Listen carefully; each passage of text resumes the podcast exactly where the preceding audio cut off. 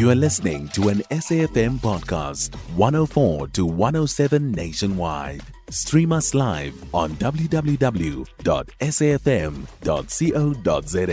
or via the SABC Plus app. SABC News, independent and impartial. As I'm talking to right now, the the, the, the a vehicle uh, transporting or carrying the uh, the this, this elder son of the principal hospital has just arrived here at the mortuary. Uh, we are also expecting other family members also to arrive shortly.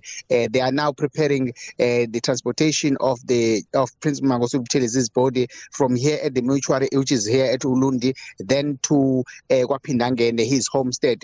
But we are told that uh, uh, it, will it won't be just a hearse that is going out to Wapindangene, uh, but also uh, the the hearse will be accompanied or be led by the Amabuto, the regiments, who will be singing and chanting and uh, hailing the life and, and time of, of Prince Buthelezi as the, the hearse and other vehicles uh, proceed to Wapindangene, which is the home of the late Buthelezi. Is there sig- significance in the fact that they are a stark similarities here in the procedure between what is happening today and uh, those which followed after the death of King Goodwill Zwelithini uh, in 2021?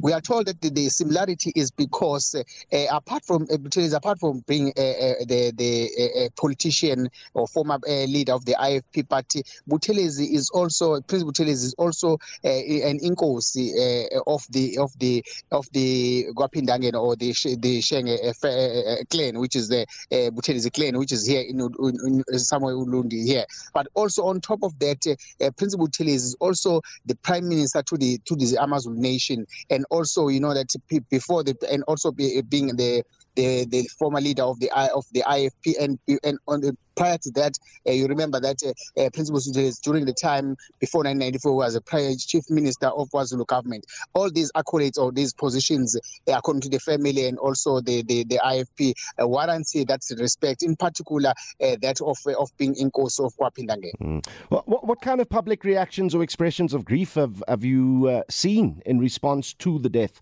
of Prince Mangosuthu Buthelezi? If I can talk about people who are passing on this road, which is near the, the, the mortuary, we've spoken to some of the people who are passing by here. They're saying that they are very, very sad, in particular because they're saying that uh, uh, while they heard that uh, they know that the president has passed away, but it has had not sink uh, really that uh, he has passed away. But now that uh, they can see the vehicles, in particular, and also in preparation for his body to be taken to Wapindangene, now it's starting to be, they're starting to be, to, to to to feel it that uh, really the principal is, is no more as the the, the, the, the vehicles and the hearse uh, will be arriving shortly to to to ferry his body to Wapindangene.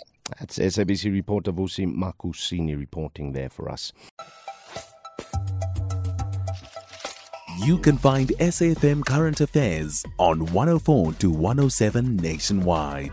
Our podcasts are available for download on all our digital platforms. SAFM, leading the conversation.